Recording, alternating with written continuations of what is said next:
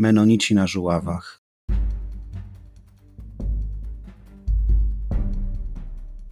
Ryszard Kapuściński powiedział: Wszak istnieje coś takiego jak zarażenie podróżą i jest to rodzaj choroby w gruncie rzeczy nieuleczalnej. Będzie to podcast o podróżach do miejsc niedalekich, o bogatej historii Polski i regionu, o miejscach osiągalnych dla każdego i o moich przemyśleniach w historycznych miejscach. Zapraszam, Marcin.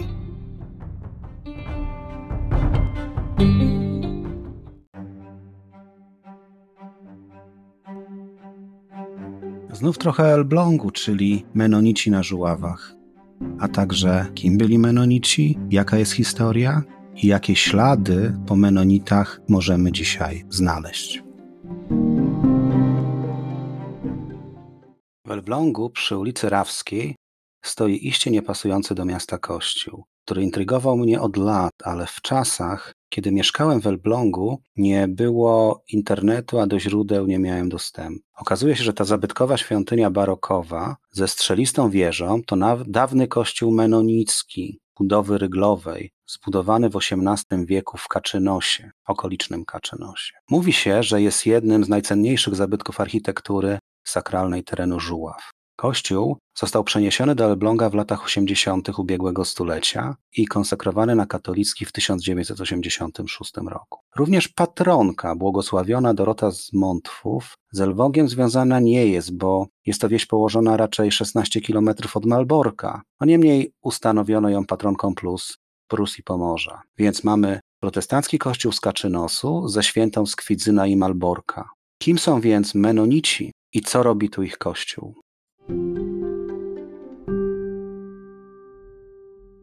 Kim są Menonici, a w zasadzie kim byli? Ci, którym Menonici mocno kojarzą się z Amiszami, to słusznie, bo te odłamy religijne mają wspólne korzenie. Jest to wyznanie chrześcijańskie zaliczane do protestantyzmu, powstałe w XV wieku w Niderlandach. Podstawą wiary Menonitów jest Biblia, uznawana za nieomylne i objawione Słowo Boże. Wspólnoty założył Menos Simons, stąd od jego nazwiska nazwa tego odłamu protestantyzmu. Był nawet w Rzeczpospolitej w celu rozstrzygnięcia powstałego sporu religijnego. Ten człowiek, który początkowo był luteranem, ewoluował w swoich poglądach, a wpływ na jego ewolucję również miała śmierć brata na skutek konfliktu protestantów z katolikami. Stąd Menonici byli pacyfistami. Menonici są albo byli wyznawcami kilku konserwatywnych zasad, takich jak świadoma rezygnacja ze zdobyczy cywilizacyjnych, struktura oparta na starszeństwie i kolegialność wyboru pastora spośród wiernych. Wyobraźcie sobie, że spośród wiernych, spośród swoich kolegów, spośród znajomych ze, ze swojej wsi wybieramy pastora. No, w naszej katolickiej mentalności prawdopodobnie to jest trudne do zrozumienia. No, zakaz noszenia broni i odmowa służby wojskowej oczywiście, a także częściowy zakaz sprawowania urzędu. Menonici mogli sprawować urzędy niższe, powiedzmy gminne, natomiast nie mogli sprawować urzędów wyższych. Wzrastające po 1555 prześladowania Menonitów w Niderlandach spowodowały ich emigrację do innych krajów. Niestety w tym czasie w ich kraju panowali hiszpańscy Habsburgowie, królowie Karol I i Filip II o poglądach katolickich dalekich od tolerancji religijnej. Ekonomia także miała swoje znaczenie. Niderlandy były wyeksploatowane wojną osiemdziesięcioletnią. Tak, osiemdziesięcioletnią wojnę toczyli Holendrzy o wyzwolenie spod panowania hiszpańskiego. Coś jednak łączy Polaków i Holendrów, a długotrwałe zamiłowanie do wojen wyzwoleńczych. Rzeczpospolita w owym czasie należała do najbardziej tolerancyjnych państw w Europie, więc Menonici pojawiają się po raz pierwszy tutaj w połowie XVI wieku, kiedy to sprowadza ich Rada Miasta Gdańska i wydaje zgodę na osiedlenie się w obrębie murów miejskich na gruntach miejskich. Następnie osiedlają się na Żuławach, potem w Dolinie Wisły, a także już w mniej licznie w innych rejonach Polski, takie jak Mazowsze czy Wielkopolska. W 1585 roku Elbląg przyjmuje do miasta dwóch menonitów, którzy mają prawo nabycia kamienicy przy ulicy Galbary 12, w której urządzają dom modlitwy po to, żeby inni ich współwyznawcy mogli się sprowadzić na żuławy.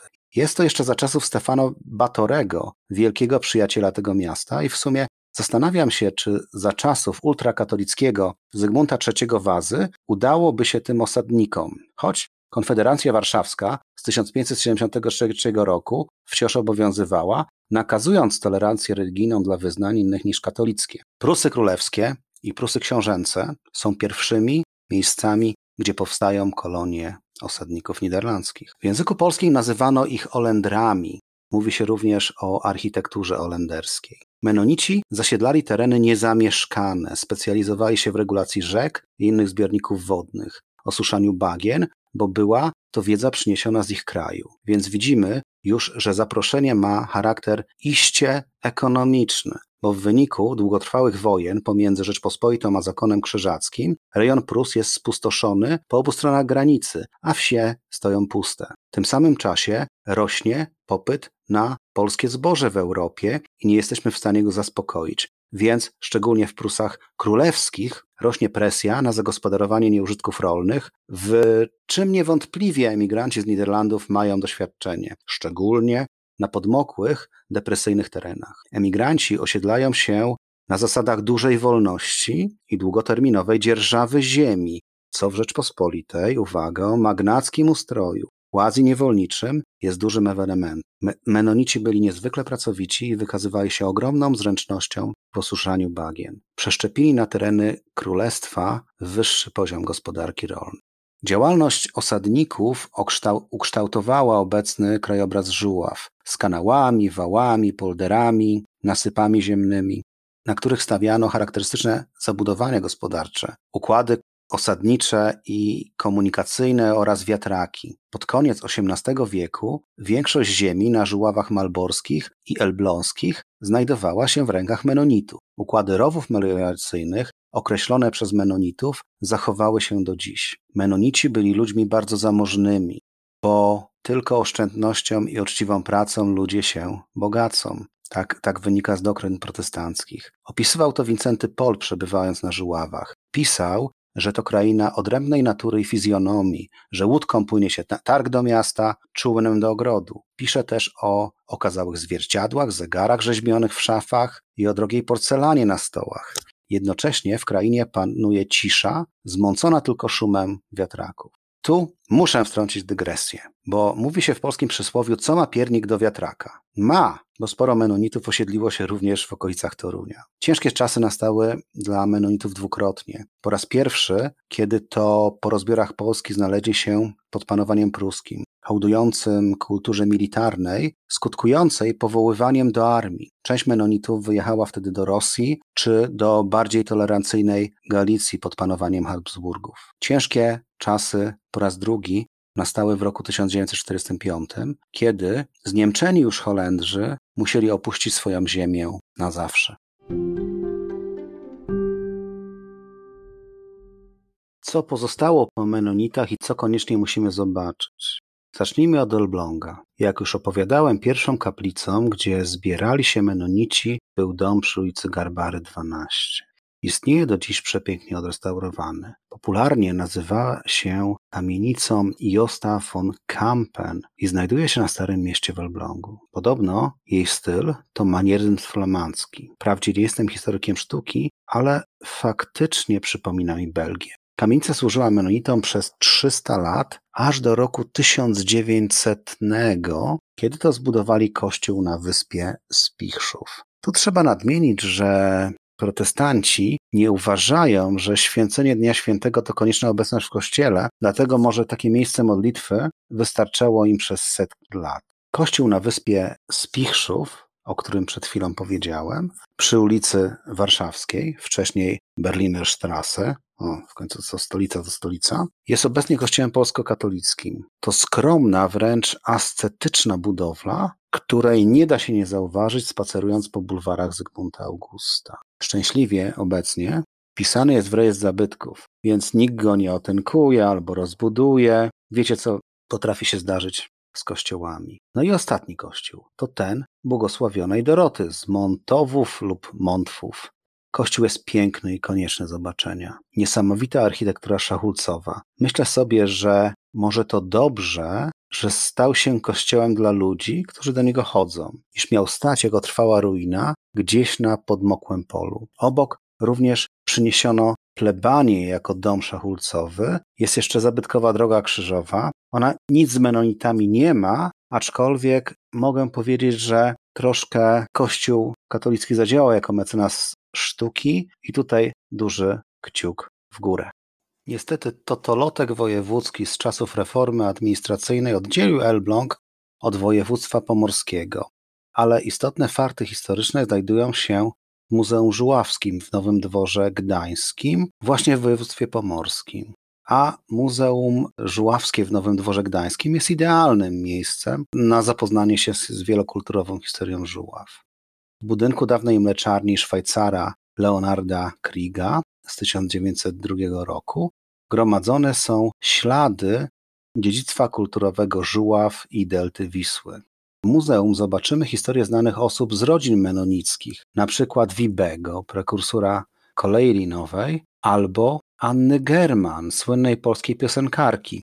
Teraz rozumiem jej blond włosy i dlaczego była taka wysoka. Kto zna Holandię, ten wie o czym mówię. W muzeum znajduje się również cmentarz 11 wsi, lapidarium kamieni nagrobnych z żuławskich cmentarzy. Ale co można zobaczyć wokół Elbląga, czyli na tych typowych dla regionu Żuławach? Parę słów o szlaku menonickim wokół Elbląga. Gro tego szlaku zrobiłem na rowerze. To tylko 80 do 110 km po płaskim terenie, dlatego hello, pozdrawiam rowerzystów. Na pewno będzie Wam się to podobać. Szlak Menonicki jest naprawdę warty popedałowania trochę. Jest tu kilka miejsc koniecznych do zobaczenia. Pierwsza z nich to Dzierzgonka nad rzeką Dzierzgoń, niedaleko kanału Elbląsko-Ostruckiego, który faktycznie zasługuje na odrębną opowieść. Znajdują się tam charakterystyczne domy, między innymi dom podcieniowy i kaplica Menonitów, a także ponad stuletni most obrotowy, zaiste wart przyjazdu. Kolejna wieś to wieś Markusy, w której w sumie rozwaliło mi się siodełko, ze względu na sporo stuletnich kamiennych dróg z tak zwanych kocich łbów. Po prostu telepało, telepało, telepało i siodełko mi się rozkręciło. Na szczęście znalazłem dobrego człowieka, który użyczył mi klucza i siodełko naprawiłem. Tu zachowały się doby pomenonickie, niektóre w opłakanym stanie, z czego dom podcieniowy z 1789 roku jest szczególnie cenny. Wspaniale zadbany i odrestaurowany jest cmentarz. Kolejna wieś to wieś Tropy, posiadająca unikatowy element, czyli wzdłuż wsi zabudowano drogę wodną, bo tropy były wsią rybacką. Mówiono o tym ulicówka wodna. I tutaj wiąże się albo nawiąże do wspomnianego już Wincentego Pola. Łódką tu, łódką tam, tak? Że łódki były taksówkami, Uberem, furmanką ówczesnego czasu dla menonitów. Jezioro to kolejna wieś godna uwagi. Założona w 1580 roku, czyli tuż przy, po przybyciu Olendrów, jest tam pusty kościół pomenonicki z cmentarzem ze starymi nagrobkami i kolejny przepiękny most, który wyszedł spod holenderskiej ręki. Wsi Zwierzno też nie można pominąć ze względu na dobrze zachowany cmentarz, a także historyczną zabudowę z domami podcieniowymi. Słuchajcie, wsi menonickich jest więcej. Zachęcam do poszukania informacji i przygotowania podróży. W województwie pomorskim wytyczono szlak, szlak czerwony, szlak menonitów, który kończy się we wsi Szaleniec w gminie Stare Pole. Tam możemy zobaczyć chyba najbardziej zadbany menonicki cmentarz. Ale tu nie mogę się podtrzymać od dygresji. Stare Pole miało za czasów słusznie minionych jedyną uczelnię wyższą na wsi. Mówiono złośliwie WSI w każdej wsi i chodzi tu o szkołę wyższą, inżynieryjną, a nie o służby specjalne. W Starym Polu znajduje się też pomnik krowy, rekordzistki w mleku. Kto wie, może była rasy holenderskiej, więc może za tym wszystkim stoją menonici. Nie wiem, sprawdźmy. Fascynująca jest historia menonitów na żuławach. Smutne jest to, że zniknęli bezpowrotnie. To, co po nich zostało, niszczeje i zarasta zapomnieniem. Śpieszcie się to zobaczyć, bo kto wie, ile czasu pozostaną po nich ślady. A tym, których zainteresowaniem Menonici i ich ostatnie chwile na naszych ziemiach, polecam też książkę Krzysztofa Bachusa Szkarłatna Głębia. Autor jest pochodzącym z Kwidzyna dziennikarzem, w wolnych chwilach pisze kryminały o znanych mu żuławach. Akcja Szkarłatnej Głębi zaczyna się właśnie w Elblągu. W domu modlitwy wierni znajdują brutalnie okaleczonego przywódcę wspólnoty Mennonitów na Mierzei Wyślanej. Wim Oxelrode umiera w szpitalu z powodu poniesionych ran, a te rany to wyłupione oko czy odcięty język. Śledztwo prowadzi radca kryminalny Christian Abel z gdańskiej policji. Jest mu pod górę, bo Menonici są społecznością zamkniętą w sobie i bardzo milczącą. Abel w trakcie śledztwa odkrywa, że w tej z pozoru zwartej społeczności pojawiają się pęknięcia, wewnętrzne animozy, jak to w zamkniętej grupie. Niedługo po tym zostaje odnaleziony drugi trup. Zaczynają się naciski, aby zakończyć śledztwo. Fantastyczny klimat przedwojennego Elbląga i żuław wiślanych. Dziękuję za wysłuchanie dzisiejszego podcastu. Czekam na uwagi o tym odcinku na Facebooku i Instagramie. Możecie także ocenić ten podcast w serwisach Spotify, Apple czy Player FM. Wasze pozytywne oceny ułatwią dotarcie do kolejnych słuchaczy. Możecie także postawić mi wirtualną kawę w serwisie Buy Coffee pod adresem podcast Miejsca Nieoczywiste. Środki przeznaczam na promocję podcastu w mediach społecznościowych. Jeżeli macie pomysł na odcinek, poproszę o mail na adres domwdawidach.gmail.com.